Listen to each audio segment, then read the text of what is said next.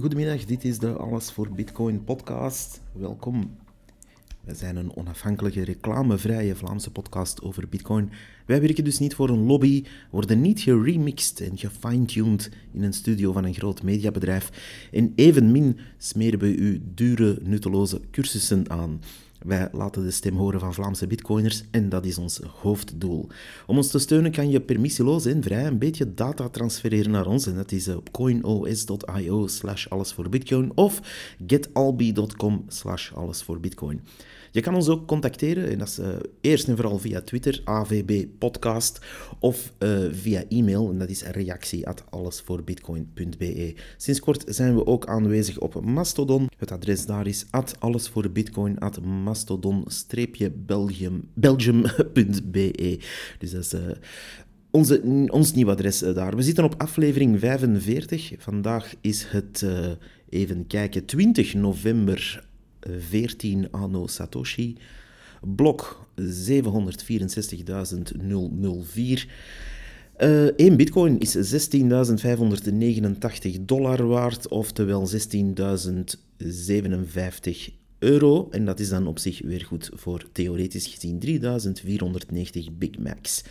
We blijven dus dalen qua koopkracht. En dan uh, hoor je natuurlijk de tears, danger mensen weer uh, luid oproepen in de mainstream media uh, dat het geen goede store of value is. Wel, kijk eens naar uw euro spaargeld zou ik zeggen en uh, slik eens een keer. Deze aflevering van Alles voor Bitcoin is speciaal gemaakt voor nieuwe mensen, voor mensen die dus interesse tonen of op zijn minst willen luisteren naar wat bitcoiners te zeggen hebben of gewoon nieuwsgierig zijn naar wat er zoal leeft in, ja, in onze zijde van deze wereld. En die misschien mooi genoeg hebben van de mainstream verhaaltjes die uh, steeds hetzelfde uh, herhalen. Uh, eerst en vooral dus proficiat. U hebt de eerste stap gezet door naar deze podcastaflevering te beginnen luisteren om jezelf een beetje los te rikken, wrikken van de gevestigde media die, ja, die inderdaad ons niet echt moeten en bitcoin ook niet moeten. En daar is ook een reden voor, want ze hebben daar natuurlijk geen verdienmodel op. En uh, daar leren we u alles over. Bitcoin verzamelen, dat is de tweede les. Uh, deze Basics 2 dus. Basics 1 ging eigenlijk over de definitie van wat Bitcoin precies is, of wat het zou moeten zijn, of wat wij daarin zien. Uh, die definitie kan je horen in aflevering 43. En ja, deze Basics 2 gaat eigenlijk puur over Bitcoin verzamelen, of zoals wij dat noemen, stacking sets. En, um, of hoddelen.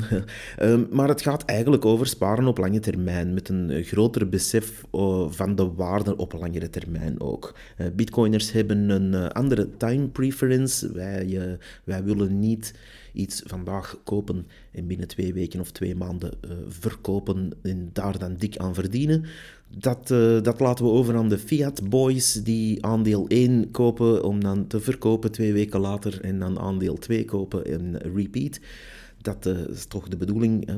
Maar uh, wij, ja, wij hebben een andere insteek. Dus SATS, voor wie niet weet wat dat precies betekent, dat is een verkort woord of verkleinwoord. En dat betekent eigenlijk het kleinste deel van één bitcoin. Bitcoin is dus ook uh, verdeelbaar, gelukkig maar.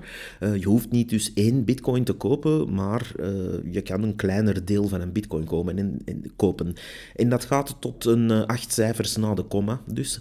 En dat kleinste, kleinste deeltje van een bitcoin is één satoshi. Vernoemd uiteraard naar Nakamoto, Satoshi Nakamoto, wat natuurlijk de ja, begeestiger is en de, de oprichter of de uitvinder of de programmeur of de founder, wat u het ook wil noemen, uh, van Bitcoin. Dus één Satoshi, of zoals wij het zeggen, één set. En één set, dat is dus 0,00 0001 van uh, bitcoin. Dus. dat is dus een 0 met uh, komma en dan 7 nullen en dan nog een 1 voor de mensen die dat uh, visueel willen hebben. 1 Satoshi is vandaag de dag om en bij de 0,000 euro waard. Uh, dat is dus vier nullen in een 9, uh, om u een idee te geven. Dus dat is een, uh, ja, een zeer klein bedrag, het kleinste deel van een bitcoin. terwijl één bitcoin zelf 100 miljoen satoshi is, en dat is dus vandaag het genoemde bedrag waard, met name 16.057 euro. Nu we die eenheid hebben uitgelegd, dus stacking sats betekent dat elke set telt. Uh, met andere woorden, als ik, uh, ik zeg maar iets, een uh, rekening moet splitten tussen een aantal mensen en één iemand zegt, ah ja, maar ik betaal u wel in bitcoin, dan krijg ik, ik zeg maar iets, bijvoorbeeld 40.000 sats erbij. Wat dan op zich vandaag weer neerkomt op ongeveer 6 euro. Allereerst zou je dus kunnen meedoen door bitcoins te gaan verzamelen uh, door dingen te gaan minen. Dus uh, bitcoin minen, dat is voor de nieuwe mensen iets te hoog gegrepen. Um, maar dat is ook vooral een technische zaak waar ik nu niet dieper op in ga gaan. Uh, wat wel belangrijk is om te weten, is dat die bitcoin op die manier wordt verdeeld in de zogenaamde mining rewards. En dat zijn dus beloningen die worden tijdens de verdeelfase van bitcoin uitgekeerd aan de mensen die het netwerk helpen beveiligen de miners in de eerste plaats doen dat. En deze miners krijgen dus per gevonden blok um, een Bitcoin reward, een beloning, wanneer ze zo'n blok vinden, wanneer ze dus het netwerk gaan beveiligen. In het begin was dat 50 Bitcoin per keer, helemaal in het begin, 2009. Eh, en dan is dat uh, om de vier jaar ongeveer, want er wordt gezegd om de vier jaar, maar het is eigenlijk om de zoveel bloks. Ik uh, ben nu het nummer kwijt, maar het komt eigenlijk neer om om de vier jaar. En dan is dat dus na zo'n halving, zoals wij noemen, dus om de vier jaar, gaat dat zakken, gaat dat dus ja, halveren. Dus van 50 is dat naar 25 gegaan, vier jaar later naar 12,5. En in deze cyclus waar we nu in zitten, in deze vierjarige cyclus, zitten we aan 6,25 bitcoin, die dus uh, uitgegeven wordt uh, als beloning, al verdeeld wordt als beloning.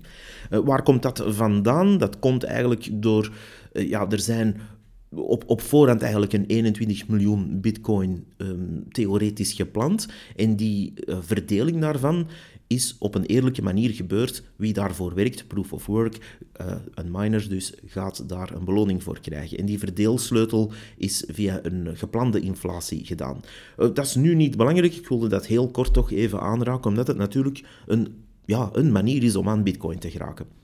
Hieraan meedoen is een manier dus niet alleen om bitcoin te verdienen, maar ook nog eens het netwerk te helpen en het netwerk te gaan helpen versleutelen, beveiligen. En ik wil dat hier gewoon meegeven voor de volledigheid, maar verder laat ik dat in deze aflevering buiten beschouwing, omdat dat eh, als u nieuw bent voor u van geen tel gaat zijn, of toch van zeer weinig tel. Maar het is wel uh, belangrijk om te weten dat dat bestaat. Je kan uh, individueel minen. Daar zijn ook manieren voor. Er zijn mensen die daar uh, zeer ver in gaan of uh, een hele goede uitleg rond hebben. Dan koop je een miningapparatuur aan en dan ga je dat zelf gaan minen. En op die manier een stuk bitcoin verdienen. Al dan niet zelf minen of in een pool waar dus een heleboel mensen samen genoeg resources gaan inleggen in een pot om daar dan een deeltje van te krijgen. Je moet gewoon weten dat dat bestaat. Maar bitcoin kan je ook verzamelen door ervoor te werken. Dat is een uh, nieuw idee voor iets werken. er wordt altijd gezegd dat iedereen slapend rijk wordt in crypto. Uh, voor heel veel mensen is dat ook waar. Vooral mensen die domme boeken schrijven en dan uh, in de media allerlei pump and dumps chillen. Maar voor mensen die echt iets presteren voor de maatschappij, is er natuurlijk ook werken. En um, dat kan je natuurlijk ja, voor van alles doen. als ik een werkje verricht voor iemand dan kan ik daar uh, ofwel een dank u voor in ruil krijgen, meestal is dat zo.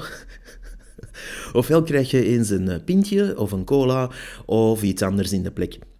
Maar de, ja, laat ons een kat een kat noemen. In de echte economie wordt er ook wel eens cash geld gegeven uh, voor een werkje. Of dat legaal is of niet, dat laat ik in het midden. dat, dat moet u zelf beoordelen. Ik ben daar geen specialist in, want ik heb een, een rode clownsneus op. Dus ik, ik, ben daar niet zo thuis in. Maar die... Um, dus dat werk dat iemand zou kunnen verrichten voor iemand, die, uh, ja, die heeft natuurlijk een soort van ruileffect. En uh, dat kan van alles zijn dat je dan in de plek krijgt. Maar dus, ja, een van de dingen die je zou kunnen krijgen zijn uh, bitcoin. en, en stats. dus in op deze manier kan je ook dingen ruilen. Ehm, ik ga uw haag snoeien en u geeft mij x aantal sets. Of ik ga, uh, ik zeg maar iets, uw, uh, uw plafond witten. Ik denk niet dat u dat aan mij wil vragen, maar goed, stel dat ik dat toch ga proberen, uh, dan kan u mij daar iets in de plek voor geven. een bak bier of een een warme winterjas of een dikke knuffel. Maar ook cashgeld of bitcoin zijn zeer welkom natuurlijk. Um, hypothetisch gezien, want ik ga uw plafond niet witten. Um, mensen die mij daar een mail gaan over sturen, uh, sorry, helaas, uh, ik doe dat niet.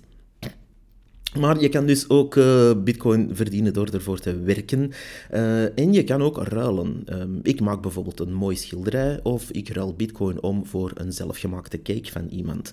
Iemand zegt van, oh kijk, ik heb hier een super lekkere um, marmercake gemaakt met heerlijke ingrediënten en de beste chocolade.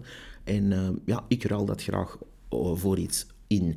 En op die manier kan je dus aan bitcoin geraken. Wanneer jij dus zegt van kijk, ik, ik, ik weet eigenlijk niet goed hoe ik in dat wereldje instap. Wel, doe eens iets voor een bitcoiner. En dan komt er meestal wel data in uw richting uit. Want eigenlijk is het allemaal maar data. Je kan ook bitcoin, dat is het volgende onderwerp, als loon krijgen, uh, waarbij je aan je werkgever vraagt om een deel van je loon in bitcoin uit te betalen. Dat is iets meer gangbaar in de Verenigde Staten, waar die constructies al bestaan en waar je dat gewoon kan aan- of afzetten. En eh, dan zeg je bijvoorbeeld, ik wil 20% van mijn loon krijgen in bitcoin. Maar uh, in principe kan dat ook in België. Uh, dat moet u natuurlijk even navragen, hoe dat precies legaal zit en hoe dat HR-gewijs zit. Maar dat is een mogelijkheid in theorie. in België is dat uiteraard nog lang niet gangbaar. Dus ja, maak u daar geen illusie het is niet dat u naar uw HR-dienst eh, belt en dat even aanzet. Dat, uh, daar zijn we nog niet. Maar het is wel een theoretische mogelijkheid en die zal ook zeker uh, naar ons land komen. Freelance mensen hebben het daar iets uh, makkelijker in. Die kunnen natuurlijk een factuur uh, sturen voor een bepaald werk dat ze hebben verricht. En dat andere bedrijf kan dat factuur ook betalen en misschien een betaaloptie kiezen om dat in bitcoin te doen. Daar zijn wel mogelijkheden naar. Dus je kan er ook weer voor werken of een deel van je loon ook uh, krijgen in bitcoin. Je kan natuurlijk ook goederen ruilen voor bitcoin. Uh, heel simpel, iemand die bijvoorbeeld een uh, rijke oogst aan tomaten heeft gedaan in zijn eigen serre of tuin of wat dan ook, die kan eventueel die overschotten gaan ofwel weggeven ofwel gaan verkopen. Net zoals sommige mensen doen um, op het platteland, die dan een plakkaat uh, voor hun deur zetten of uh, aan de weg zetten en zeggen van hier zijn aardappelen, bieten of whatever te koop. Je kan ook cash ruilen voor bitcoin, waarmee je eigenlijk heel rechtstreeks naar een andere persoon gaat uh, die je eventueel kent, of best wel kent, uh, en uh, een bedrag in fiat geld, dus euro's in ons geval, omruilen tegen bitcoin en deze dan meteen op je wallet krijgt. Wanneer je bijvoorbeeld zelf een bitcoiner kent, en we hebben allemaal wel een, een neefje of een nichtje of een onkel of een tante die... Ehm, die daar into is, of dat heeft, of dat kan ruilen, uh, dan kan u dat op die manier natuurlijk persoon tot persoon doen. Uh, het is ook heel belangrijk om te weten dat uh, zelfs met al de regels die de Europese Unie aan het verzinnen is om hun, ja, hun nieuwe economische realiteit waar te maken, zal ik maar zeggen, dat zij daar ook een uitzondering blijven, blijven maken van persoon tot persoon te kunnen uh, ja, overschrijven. Dus dat is heel belangrijk om te weten. Ik vind dat zelfs persoonlijk ook de meest zuivere vorm van aan bitcoin geraken. Je vraagt aan iemand die al bitcoin heeft van hey, uh, mag ik x bedrag uh, kopen van u? En dan ja, werkt dat zichzelf wel uit. Je kan ook kopen via een exchange of zogenaamd wisselkantoor. En daar zijn dan weer twee soorten in: een gecentraliseerde soort en een gedecentraliseerde. Laten we beginnen met het bespreken van die gecentraliseerde exchanges. Het verschil is dat dus die gecentraliseerde exchanges uh, afhangen van één entiteit, één bedrijf, één organisatie. En in de beginjaren was dat zelfs één persoon.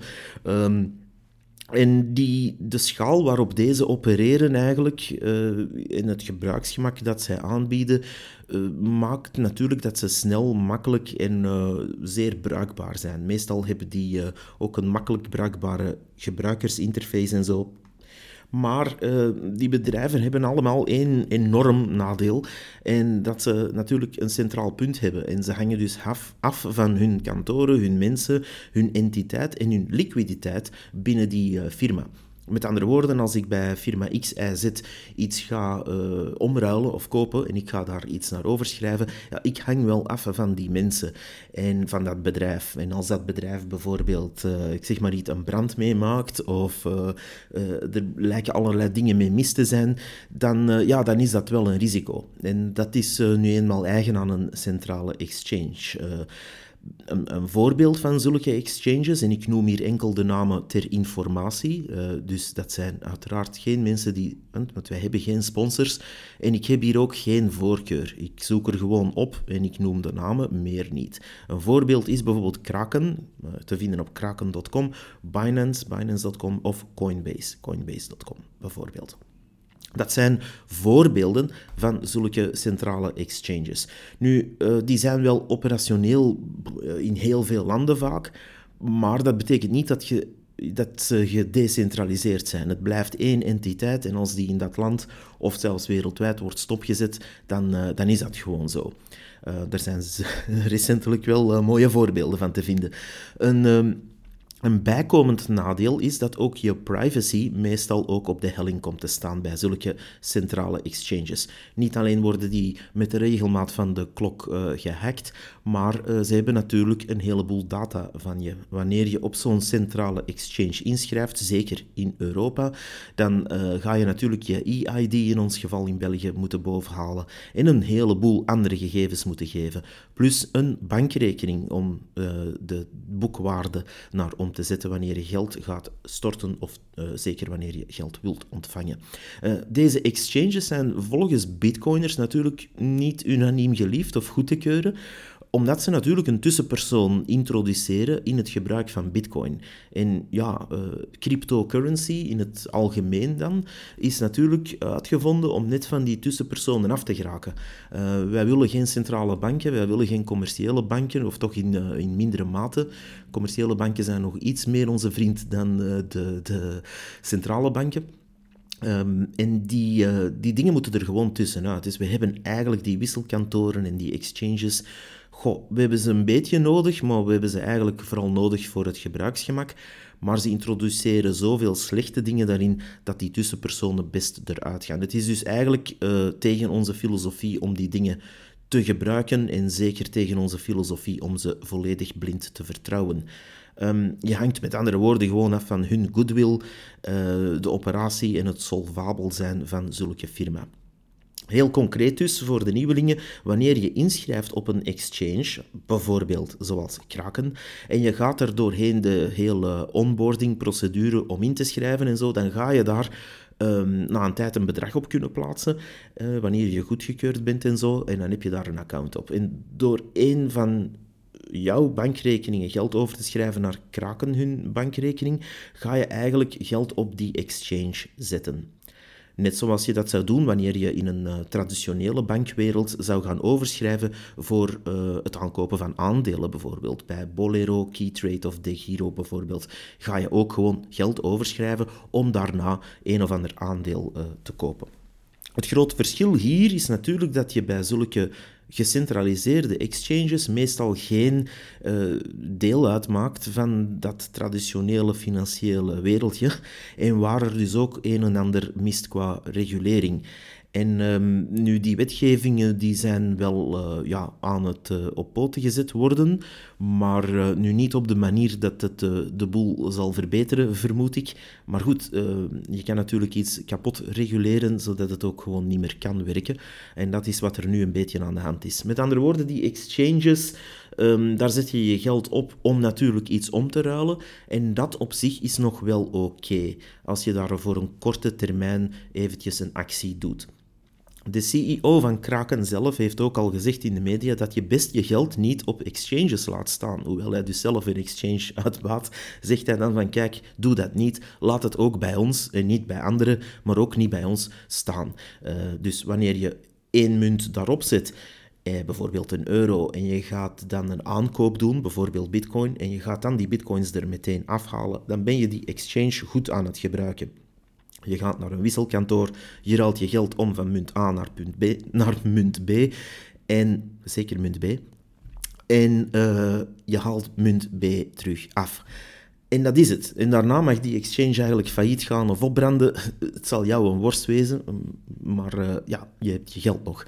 Wanneer je dat daar natuurlijk maanden of uh, zelfs jaren laat opstaan, ja, dan uh, neem je elke, elk uur eigenlijk dat het erop staat, neem je een groter risico. Je kan ook natuurlijk een beetje je ogen opentrekken wanneer je in het nieuws jouw exchange ziet vernoemd worden, waar bijvoorbeeld toch wat euro's of bitcoin of wat dan ook op staat.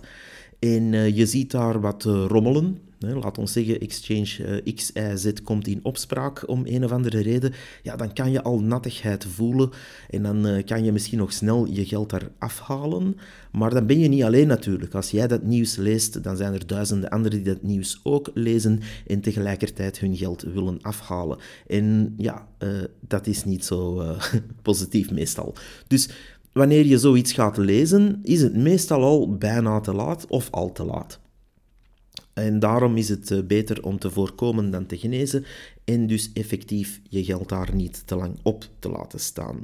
Um, een uh, ja, dat is een risico eigenlijk dat vele mensen onderschatten tot het te laat is. Um, iedereen denkt, ja, maar mijn exchange is oké hoor, mijn exchange is helemaal safe. Um, ja, uh, ik heb dat zelf voorgehad ooit. Ik ga niet zeggen met welke exchange, maar jaren terug. En ik dacht ook, wauw, maar dat is zo groot, dat is zo stevig, dat is zo goed. En die hebben zo'n goede interface en boom, alles weg. Dus dat is iets dat vele mensen onderschatten, omdat ze zich een beetje, ja, uh, safe voelen. Omdat die, die websites die voelen ook safe aan eigenlijk hoor. Je hebt daar goede security op, eh, goede interface, noem maar op. En dan opeens is het te laat. Zoals recentelijk ook is gebeurd, uh, de jongste twee weken, uh, waarbij de mensen die op de grote exchange FTX hun munten hadden staan en lieten staan, opeens daar niet meer aan konden en alles een grote zwendel enzovoorts leek. En ja, de boel is nu failliet. En of die mensen hun eh, centen ooit nog gaan terugzien, is zeer de vraag. Um, ik vermoed van niet, of het zal in ieder geval jaren duren. Een echte bitcoiner heeft dan ook uh, daar geen last van, van die FTX eh, of welke exchange dan ook die neergaat, omdat wij meestal geen centrale exchanges gaan gebruiken, zeker niet om bitcoin op te slaan.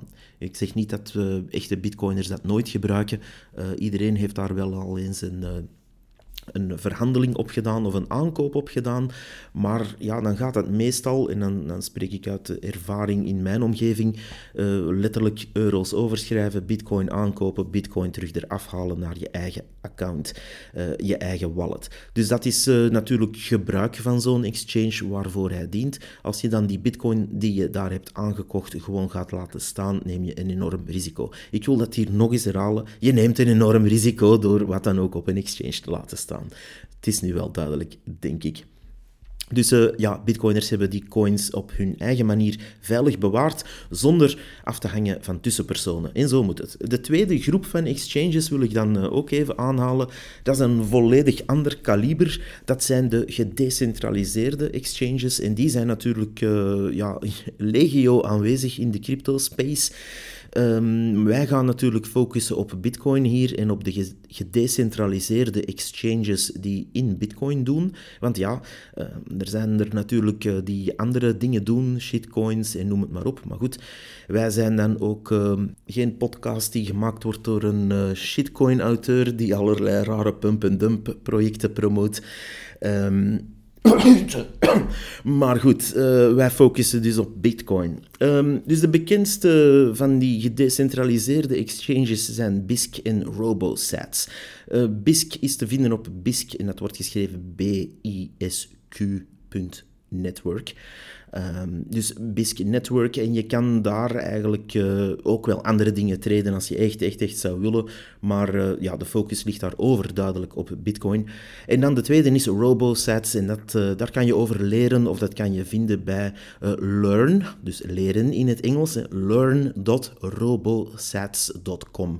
En dat wordt geschreven R-O-B-O-S-A-T-S. Die RoboSats... Um, dat is eigenlijk wel een uh, redelijk recente, maar die werkt echt fantastisch. Dus uh, ik kan die warm aanbevelen om eens even uit te checken. Um, ik ga in deze aflevering wel niet alles in detail uitleggen van hoe deze manieren van exchanges gebruiken werken. Ehm, daar zijn gidsen genoeg voor al online en het wijst ook een beetje zichzelf. Maar het opzet wil ik wel even uitleggen. Het is vooral zo dat er geen centrale tegenpartij is hier. Je hangt natuurlijk wel af van een website, maar daar zijn dan ook verschillende versies van. Uh, maar het is niet dat er één kantoor is of um, dat er één bedrijf achter zit die alles zit te runnen en moest men daar ooit de deur intrappen of er een eh, brandje uitbreken, uh, al dan niet virtueel, dan, ehm, ja, dan uh, blijft dat eigenlijk uh, gewoon intact, want de rest uh, blijft gewoon draaien. Het opzet is hier vooral dat er dus niet alleen geen centrale tegenpartij is, maar dat je um, ook niet afhangt van één loesje of al dan niet loesje figuur aan de top die de boekhouding helemaal zit uh, te vervalsen. Uh, die diensten uh, hebben eigenlijk door verschillende programmeurs in elkaar gestoken frontends. Dus hetgeen dat jij als klant gaat zien op hun website of hun app of hun programma. En die, het achterliggende platform daarachter gaat een aantal functies gebruiken, waardoor um, meer geavanceerde technieken kunnen gebruikt worden om dingen in pand te nemen. Het hele principe is eigenlijk dat jij wilt iets aankopen, maar je kan natuurlijk de anderen niet vertrouwen. Hè, want als je zegt, ik, ik, ga hier 100 euro naar Janneke en Mieke overschrijven, uh, ja, en Janneke en Mieke gaan mij via het internet hoewel ik ze helemaal niet ken, bitcoin terugsturen naar mijn adres, dan, daar zie je natuurlijk hiaten in, dat kan natuurlijk fout lopen. Dat loopt natuurlijk minder fout wanneer ook Janneke en Mieke 100 euro in pand moeten geven en ik zelf ook. Dan wordt dat al wat uh, moeilijker om te gaan zitten ja, schoemelen, frauderen of wat dan ook. En dat vertrouwen wordt op die manier gewekt. Uh, mensen bouwen daar ook een reputatie in op en die bedragen zijn meestal relatief klein zodat ook als het eens fout loopt, uh, er ook geen zware potten zijn gebroken. Nu, dat foutlopen is zeer, zeer, zeer marginaal. Uh, de cijfers daarover zijn recentelijk uitgegeven en dat is allee, een enorm klein te verwaarlozen percentage. Um, ik dacht iets van een 0,02% van de gevallen. Dus de meeste trades gaan daar goed door. En ja, het principe is heel simpel. Je gaat eigenlijk anoniem op een website een account aanmaken, liefst telkens een andere. Uh, dat gebeurt automatisch. Je moet daar dus geen eindeloze formulieren zitten invullen of je paspoort erbij of telefoonnummers of dat soort zaken.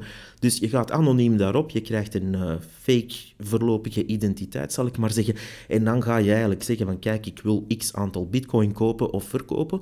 Dat wordt in een uh, pool geplaatst of in een lijst geplaatst. En andere mensen gaan zeggen, oh, dit is tegen die prijs interessant, of uh, dit aantal wil ik wel kopen tegen dat uh, uh, betaalmechanisme, want dat kan je ook nog kiezen. En dan ga je eigenlijk daarop een trade opzetten. Je kan dan ook met die mensen anoniem even chatten om te zeggen, kijk, hoe gaan we dit doen? Of schrijf over naar daar of naar daar. En op die manier krijg jij je bitcoin en hebben de anderen hun fiat geld of omgekeerd.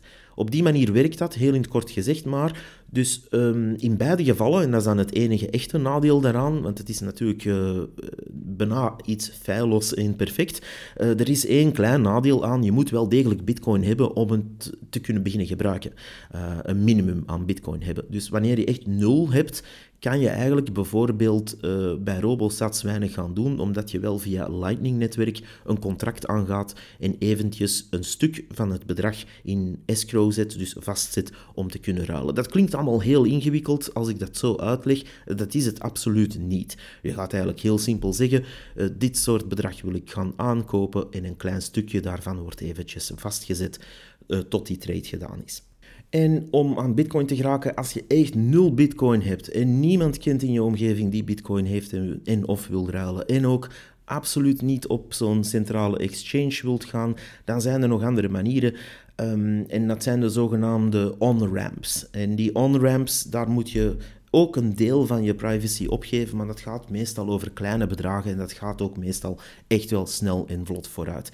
Eentje dat ik hier wil vermelden, ook weer puur ter info, omdat dat een van de bekendste en grootste en langst betrouwbaar gangbare is uh, in de, deze streek. En dat is een. Even kijken, btcdirect.eu. Ehm, die btcdirect.eu uh, eh, bestaat al een uh, hele tijd. Deze mensen zijn al actief sinds 2013. Zijn altijd betrouwbaar geweest. Voor zover ik uh, hoor, heeft daar nooit iemand een probleem mee gehad. Zeker niet in mijn omgeving. Um, Die andere soorten wil ik ook nog even melden. Er zijn nog andere on-ramps, of eigenlijk exchanges die zich voordoen als een on-ramp.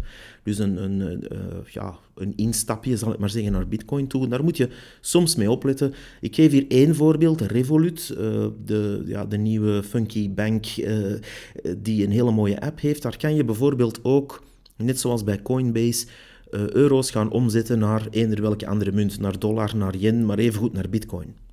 Dat is wel knap, maar de vraag die je dan je kan stellen, één, heb ik dan wel Bitcoin?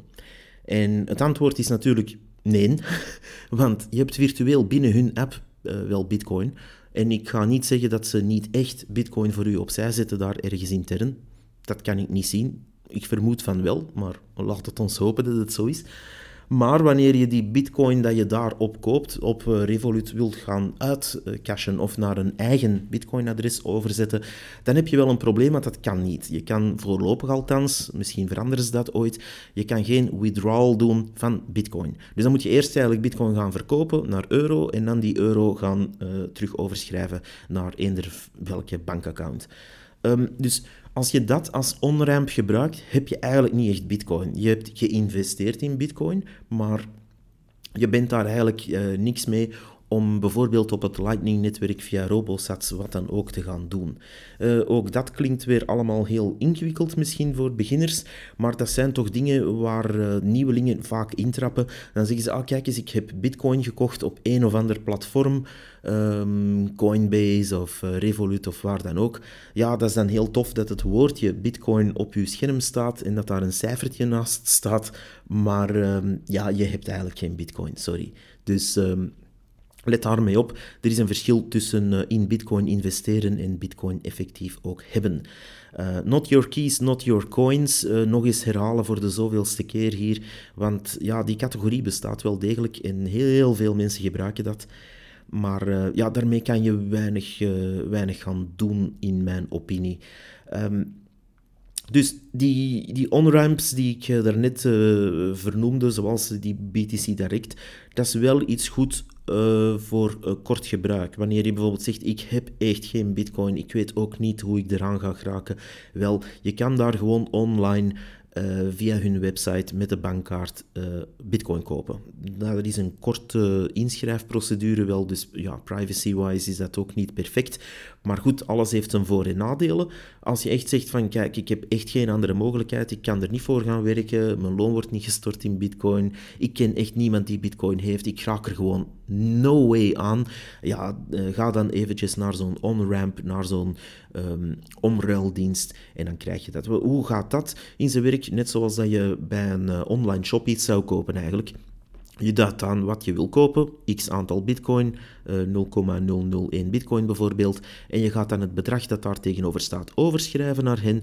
En uh, dat doe je dan bijvoorbeeld met een uh, Payconic of uh, bankcontact app. En dan gaat dat erdoor. En na enkele minuten zeggen ze: Oké, dit is aangekomen bij ons. Nu gaan wij die Bitcoin voor u reserveren. En dan na enkele minuten, meestal 10 minuten, next blok, komt dat er gewoon door op uw adres. Um, die, uh, die manier van bitcoin aanschaffen is ook niet uh, ja, 100% wat bitcoiners tof vinden. Het is ook weer een tussenpersoon introduceren, maar wel enorm handig om uh, mee te beginnen. Als je echt zegt van kijk, dat is eigenlijk mijn enige optie, wel, dat, het bestaat en het kan gebruikt worden en het is, het is oké. Uh, daarna krijg je natuurlijk je bitcoin op jouw adres. Dan komen we vanzelf bij basics nummer 3, die we zo dadelijk gaan uh, moeten uitleggen of opnemen. Um, en dat gaat over het veilig bewaren van al die sets, jouw bitcoin. Dat is een heel, heel, heel uitgebreid onderwerp. Uh, we gaan dat tot het minimum herleiden voor de beginners. Maar het komt erop neer dat je zelf je keys moet hebben, in het heel kort. Dus spoiler, basics 3 komt eigenlijk neer over ja, heb je eigen keys alsjeblieft. Um, dat is zeer simpel, maar blijkbaar na x, uh, ja, tien of meer jaren hebben heel veel mensen dat nog steeds niet uh, begrepen.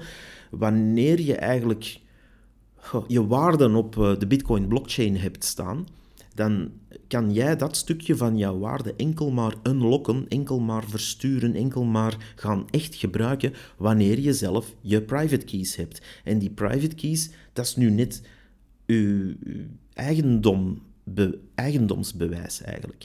En dat, dat schijnen mensen maar niet te snappen. En ik ga er bij mij ook niet in dat ze dat niet snappen. Namelijk, um, we zijn zo gewoon dat anderen, dat tussenpersonen, zoals een bank, een verzekeraar of wat dan ook, of wie dan ook, eh, gaan fungeren voor ons als zijnde, ja, wij zijn betrouwbaar. Ah, ik zet mijn geld op uh, bank X, Y, Z en die gaan voor mij alles bewaren, want ik vertrouw die, want dat wordt allemaal geregeld door de staat en met fiat geld, dus het is wel oké en het zit daar veilig.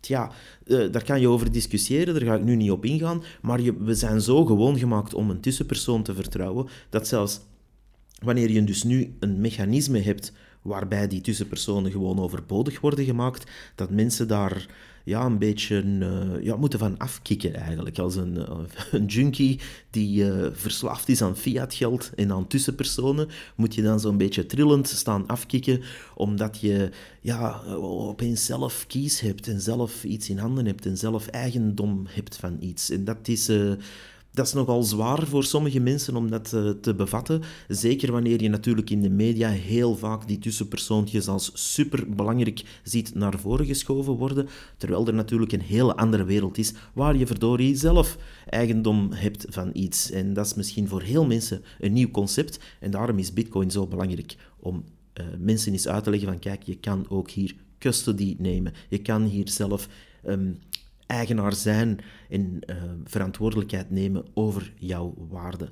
Um, die Be Your Own Bank, ik zag daarover laatst nog een uh, mooie voor uh, over verschijnen. Op Twitter waren er twee mensen die ik volg, die meestal wel relevante dingen zeggen, maar niet echt pro-Bitcoin zijn. Eh, dat is ook belangrijk om te weten wat die denken. En uh, eentje zei er van, uh, er was een artikel in de tijd dat eigenlijk kortom zei van, ah, uh, met het neergaan van die exchange FTX kan je maar beter je bitcoins, de bitcoins, op een stickje zetten. Zo zegt de tijd dat dan. Is dan nog altijd de bitcoins. en, die, uh, en dan lachte er iemand mee van, dat is toch geen vooruitgang, want nu moet je je geld op een stickje gaan zetten, op een USB-stick. Ja, dus die mensen hebben nog steeds niet door dat het gaat over je private keys. Dus het kan even goed op een papiertje of wat dan ook staan. Natuurlijk is het makkelijker wanneer je alle exchanges zou kunnen 100% vertrouwen. Stel, we leven in een uh, um, hypothetisch scenario waar elke exchange 100% altijd fideel is. 100% oké is, en liquiditeit heeft en allez, een perfecte operatie heeft, ja, dan kan je zeggen inderdaad, laat het er maar lekker op staan en trade en het heeft een makkelijke interface en ja, mijn keys, ik moet me daar geen zorgen over maken, want die zitten daar ook veilig. Dat is niet de wereld waarin dat we leven. Dus moest dat zijn, ja, dan heeft iemand gelijk. Maar uh, nee, eh, zo werkt het niet. Dus je zit daar eventjes, eventjes in een uh, visie, in een cultuurschok bijna.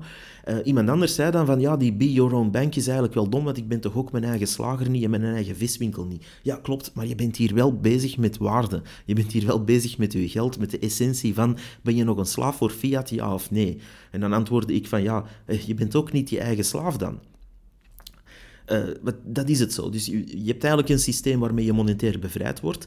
En dan gaan er mensen zeggen, ja, maar ik ga toch zelf ook met een vis niet kuisen als ik een, uh, een tongschar ga kopen in de viswinkel. Nee, inderdaad, dat doe je waarschijnlijk niet zelf. Dat laat je over aan iemand die daar goed in is, die daar een business in heeft en die daar zijn centjes mee verdient. En jij betaalt geld om die service te kopen en om die vis te kopen. En dat geld, ja, dat is fiat geld. En daar beslist eigenlijk iemand anders over of dat jij dat wel mag gebruiken. En achterin met de CBDC helemaal. Dus ik ben eens benieuwd wat uh, dat soort mensen die dat soort opmerkingen maken, daar achterin gaan overdenken wanneer ze opeens uh, doorhebben dat ze niet alleen niet hun eigen bank zijn, maar dat ook het geld dat ze gebruiken ook niet meer hun geld is. En uh, de moeite en de services die ze doen ook allemaal wordt betaald in fake. Dus... Um, dat zijn allemaal vrij filosofische dingen om over na te denken. En ik ga hier een beetje van het pad af waar deze aflevering over ging. In ieder geval, bitcoin verzamelen, ja, dat is op zich niet zo moeilijk. Je kan ervoor werken, je kan er een service of een goed voor ruilen. Uh, je kan het kopen op een uh, gecentraliseerde exchange en je privacy opgeven en enorme risico's uh, lopen. Je kan het ook kopen op een gedecentraliseerde exchange, waar je dan een klein beetje technische skills voor moet hebben, maar niet te veel. En je kan het ook kopen op een on-ramp om gewoon, uh, ja, uh, om, ja, zoals bij een shop, het gewoon te kopen. En je kan het ook gewoon natuurlijk fiat person-to-person omruilen met een bestaande bitcoiner. Dat is een beetje onze samenvatting. Ik hoop dat jullie daar iets van hebben geleerd. We gaan een derde aflevering maken die specifiek gaat over dat bewaren, over self-custody. En ehm, dit was hem voor vandaag. Je kan ons volgen op AVB Podcast. Als je deze aflevering tof vindt, abonneer dan alsjeblieft op de podcast ook. Dat is alles voor bitcoin.be. Je kan die ook vinden in eender welke podcast-app. Gewoon alles voor Bitcoin intypen. En dan zie je ons uh, witte op, uh, met een, een, zwarte B-logo. Dan, dan, zie je dat staan. Daar kan je op abonneren. Wie ons tof vindt, kan vrijwillig enige bijdrage leveren voor de hosting en voor de kosten die verbonden zijn aan deze podcast. Dat is altijd een mooie vorm van appreciatie. En dat kan dan weer op coinos.io slash alles voor Bitcoin. En op onze homepage staan er nog andere manieren waarop je ons kan helpen of steunen of uh, data transfereren. In ieder geval uh, zien jullie ook morgen eventueel, de, zoals steeds is de 21ste, de datum van de Bitcoin Meetups. Deze keer gaat dat door in uh, Antwerpen en daarvoor kan je ook terecht voor alle details bij de, Bitcoin, de Belgian Bitcoin Embassy.